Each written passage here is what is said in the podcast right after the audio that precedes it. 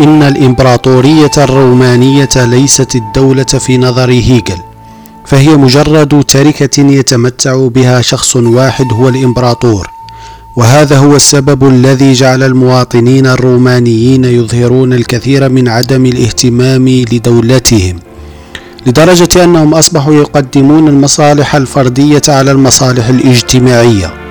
وهو ما جعل الدولة الرومانية بمثابة انتصار للفرد على الكل أو المتناهي على اللامتناهي.